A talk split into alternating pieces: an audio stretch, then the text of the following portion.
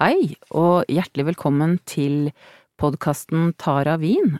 magasinet Taras nye, vil jeg fortsatt si, podkast. Og med meg her i studio så har jeg Gunhild Bjørnsti, som er Taras faste vinspaltist og sommelier, og meg selv, Torunn Pettersen, som er sjefredaktør for magasinet Tara. Vi har samarbeidet i mange år, Gunhild og jeg, og vi syns jo at det er morsomt å ta dere med inn i vinens verden også via en podkast.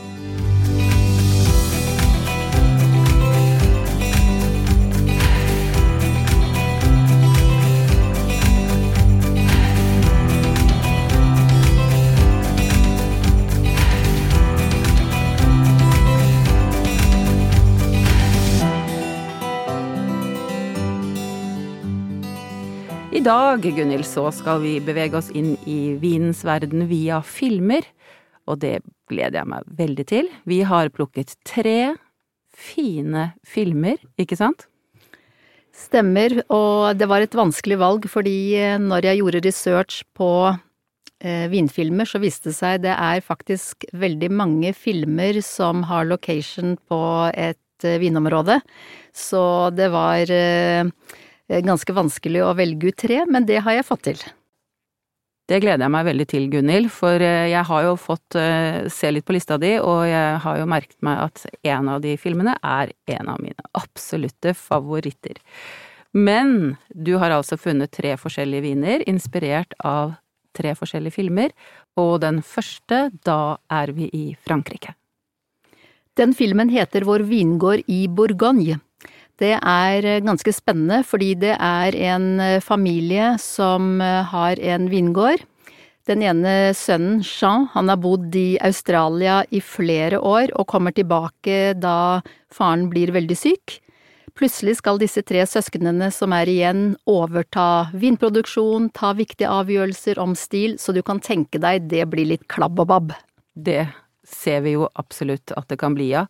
Men det er jo så fint, det er jo dette her, hva er det med vingårder som gjør at det blir jo bare så vakkert, det er vin, alle disse rankene, og det er familiefeider, og selvfølgelig er det kjærlighet, og oppi alt så er det vin på lekre glass som rulles og som drikkes, og de stamper i vinkar, og de holder på.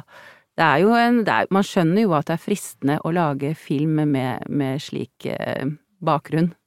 Det er romantisk, det er vakkert, det er nydelig natur, og det er jo menneskene som selvfølgelig lager vinen og også skal eh, temme naturen.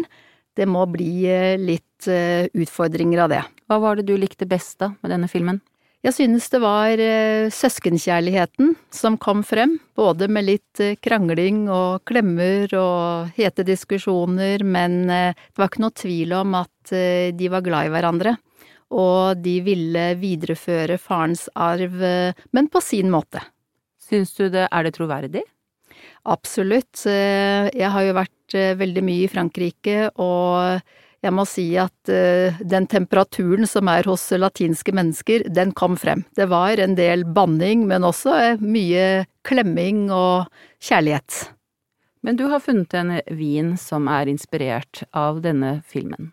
Det har jeg, og den vinen heter Chateau Fusé. Poisi Fusé, kan du tenke deg, det er vanskelig å uttale hvis man skal gå på Vinmonopolet. Men vi skal jo legge ut eh, navn på tara.no. Som vi alltid gjør. Mm. Det skal vi, og dette er en hvitvin. Og når det er burgund, så er druen chardonnay. Det er eksklusiv vinstil ofte veldig, veldig dyrt, men denne er nydelig, den er ikke for kostbar. Den koster 319 kroner, men hvis man skal ha en veldig, veldig god eh, hvitvin fra Burgund, så er det ikke noe å si på denne prisen. Så denne føler du var den du tenkte på da du så filmen?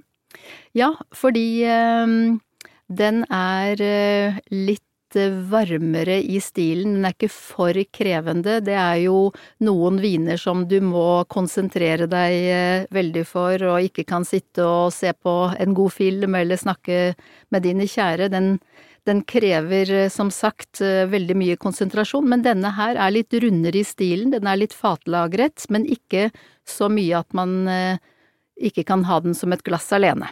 Men hva passer den til? Den passer til både fisk, skalldyr, liker man litt sushi, sashimi, så er den helt perfekt. Kylling, salater, egentlig det meste av det vi spiser. En hvitvin hentet fra en herlig film, som også er like velsmakende som du syns filmen var fin? Dette er en helt nydelig eh, hvitvin som har vært på bestillingsutvalget, men som har kommet i basis fordi den har blitt veldig populær. Og jeg tror nettopp det er eh, fordi at den har en litt rund karakter. Den er ikke for syrefrisk, sånn at den blir for stram. Den har stilen og elegansen fra Burgund, men eh, kan jeg få lov til å si den er litt folkelig også. Herlig. Da skal vi vel kanskje bevege oss eh, til et annet kontinent? California kaller. Ja, og her kommer min favoritt, og jeg er jo ikke alene om å ha dette som en av favorittene som bare har alt, altså Sideways, en film fra 20, nei, fra 2004, og er bare så herlig. Det er en trist komedie som handler om noe så sjelden som menns følelsesliv, gjør den ikke det, Gunhild? Jeg har sett den filmen tror jeg tre-fire ganger, for det er som du sier, den er så morsom. Jeg eh, lo så vanvittig. Samtidig så var det jo både eh, litt tragisk med både vin og mellommenneskelige forhold, men det var en så god miks av hva det er å leve og utfordring man har eh, i livet. Mm.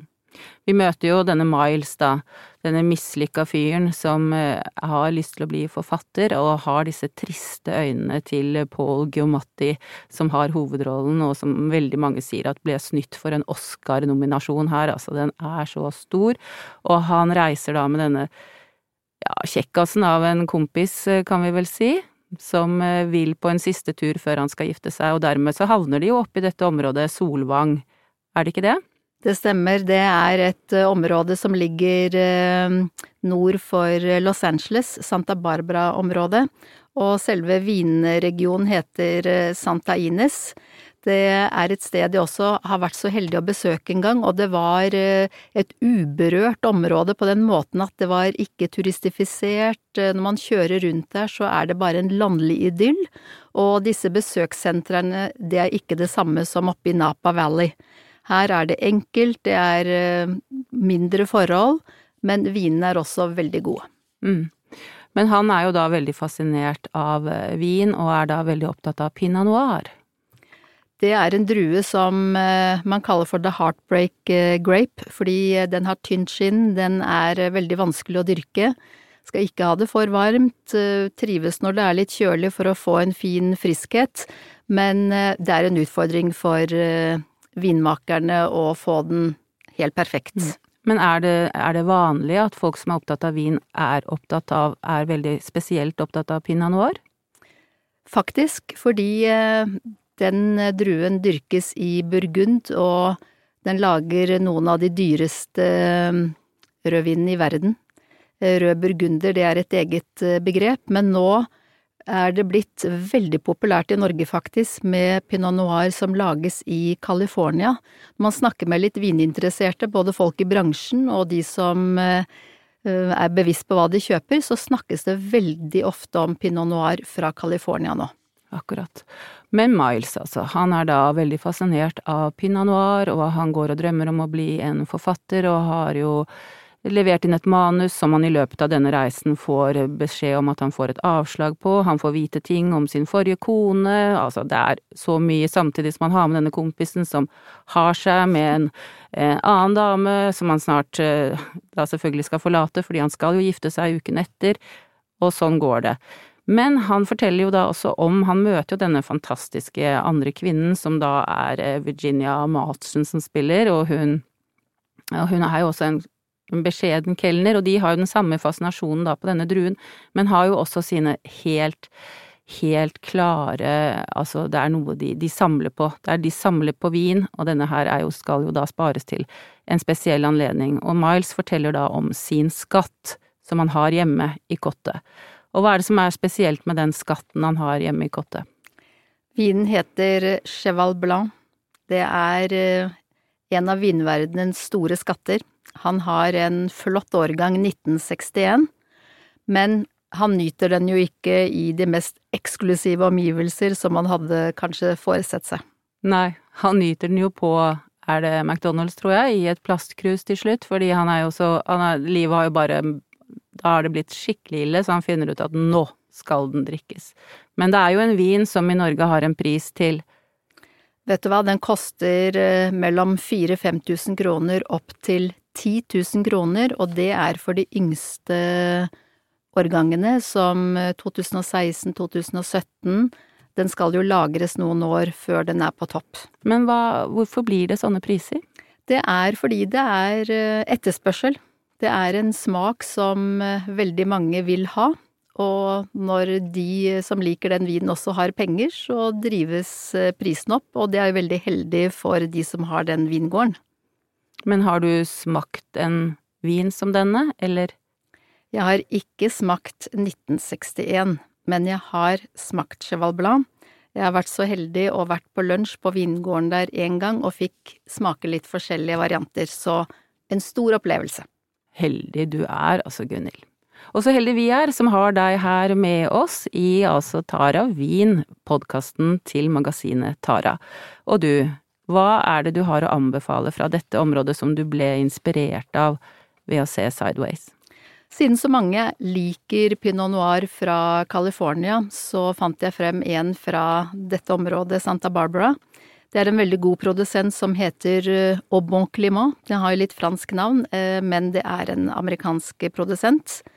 Denne mm, vinen heter rett og slett Santa Barbara Pinot Noir. Det er årgang 2018, men den drikker veldig bra nå, som man sier, og man slipper å betale tusenvis av kroner, den er bare 320 kroner. 320 kroner, inspirert altså av denne store filmen Sideways, som sikkert veldig mange av dere som hører på har sett.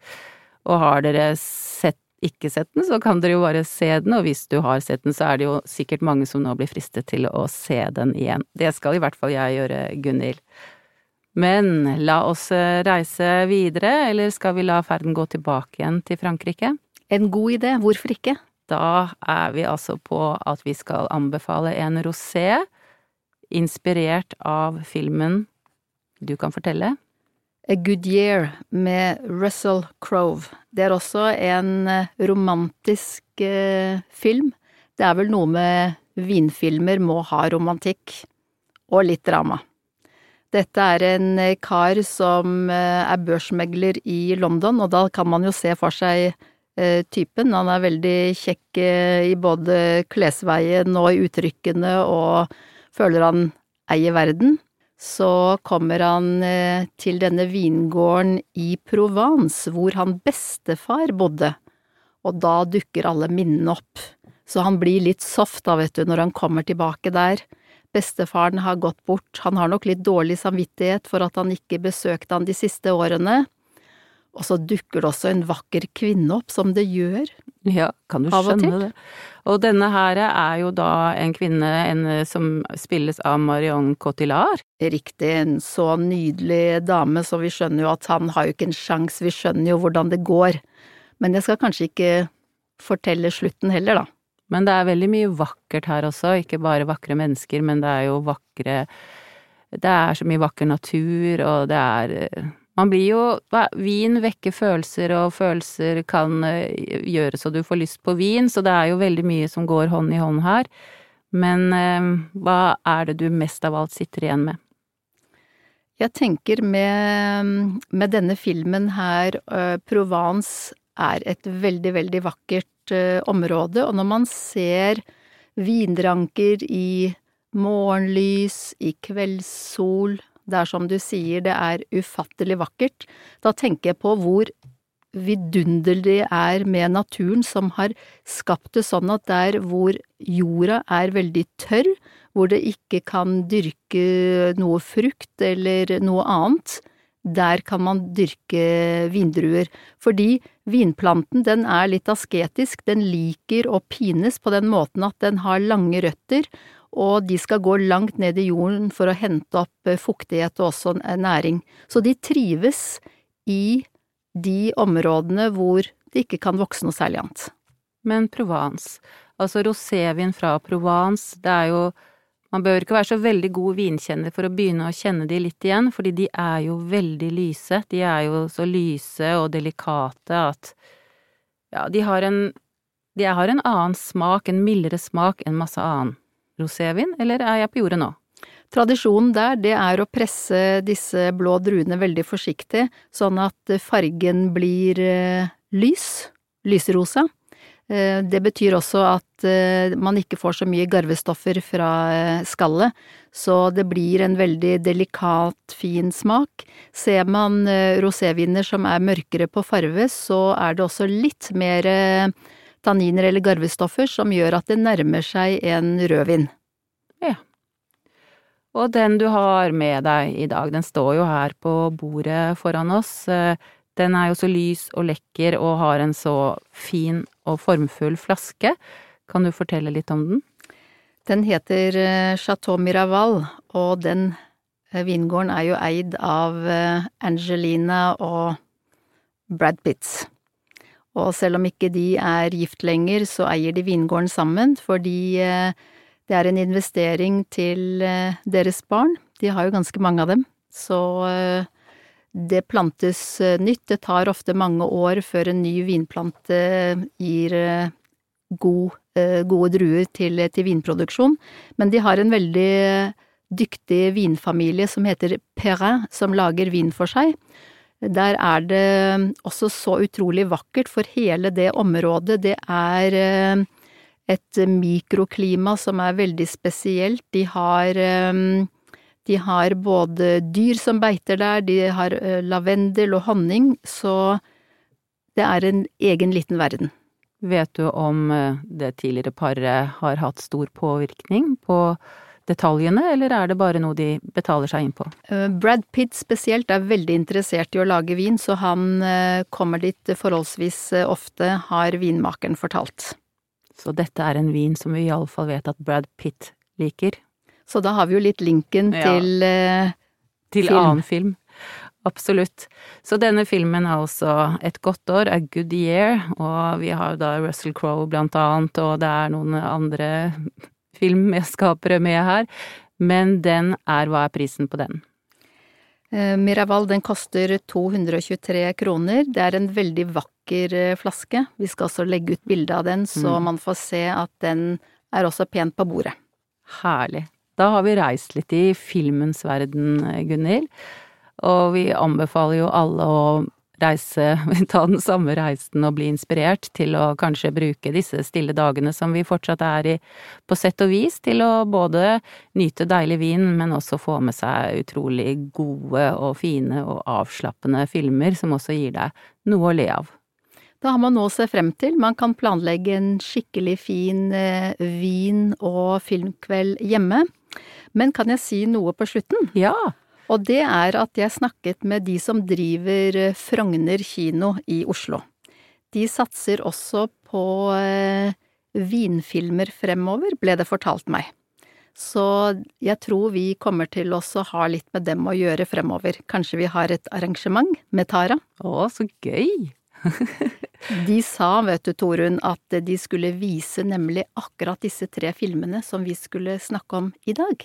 Og skulle de servere vin til òg, kanskje? De skulle ha både en vin- og matmeny. Men dette kan vi vel kanskje skri, både skrive om og nevne, vi har jo nettsider på tara.no som de heter, og vi kan vel kanskje nevne det i andre sammenhenger også? De var så engasjerte, de som eh, drev Frogner kino og har vinbarn vinbaren der, så jeg er helt sikker på at uh, dette skal vi følge opp. En vår med både vin og kino, det høres ut som en ny og deilig vår.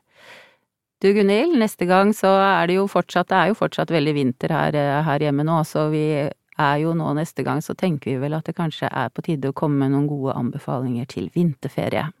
Det har vi, så her er det bare å følge med. Ok, tusen takk for denne gangen, Gunhild. Tusen takk, Torunn.